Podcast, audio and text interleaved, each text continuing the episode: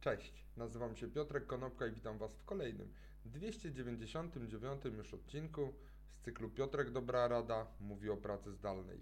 Dzisiaj powiem kilka słów na temat badania, które zostało ostatnio przeprowadzone przez portal salary.com. Ostatnio pojawiły się w mediach informacje i nawet sam o tym mówiłem, że Facebook zamierza obcinać wynagrodzenie pracownikom, którzy będą pracowali zdalnie. Google nawet udostępniło taki specjalny kalkulator, który ma pokazywać, ile będzie się zarabiało w momencie, gdy będzie się pracowało poza biurem.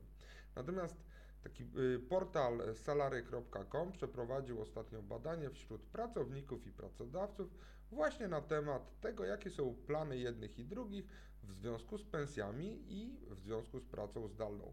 Przede wszystkim e, pierwszy wniosek jest taki, że 95% pracodawców powiedziało, że nie obniży pensji pracownikowi, e, który będzie pracował zdalnie albo który, który zdecyduje się pracować zdalnie. Dodatkowo pojawiły się informacje, że 83% pracowników powiedziało, czyli prawie, e, właściwie z mojego punktu widzenia prawie każdy, e, to ci ludzie powiedzieli, że e, zmienią pracę, odejdą od swojego obecnego pracodawcy, jeżeli pracodawca podejmie decyzję o obniżeniu pensji. 94% pracowników wierzy, że ich praca powinna być wynagradzana na bazie kompetencji, a nie na bazie tego, w którym miejscu mieszkają bądź w którym miejscu pracują. Większość pracodawców, bo 97%, mówi, że nie obniży pensji pracownikowi na pewno, jeżeli ta praca zdalna będzie wykonywana e, częściowo.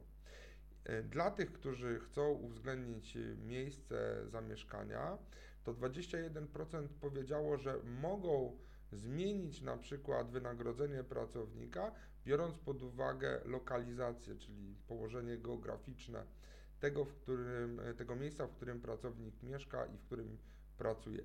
Jednakże jedna trzecia pracodawców powiedziała, że będzie różnicowała w przyszłości wynagrodzenia pracowników zdalnych i wynagrodzenia pracowników stacjonarnych, bo uważają, że jednak koszty życia, e, które ponosi pracownik, powinny mieć odzwierciedlenie w tym, e, jak wysoka jest pensja danej osoby. To badanie zostało przeprowadzone na blisko 700 pracodawcach i ponad 500 indywidualnych e, pracownikach, takich pojedynczych osobach.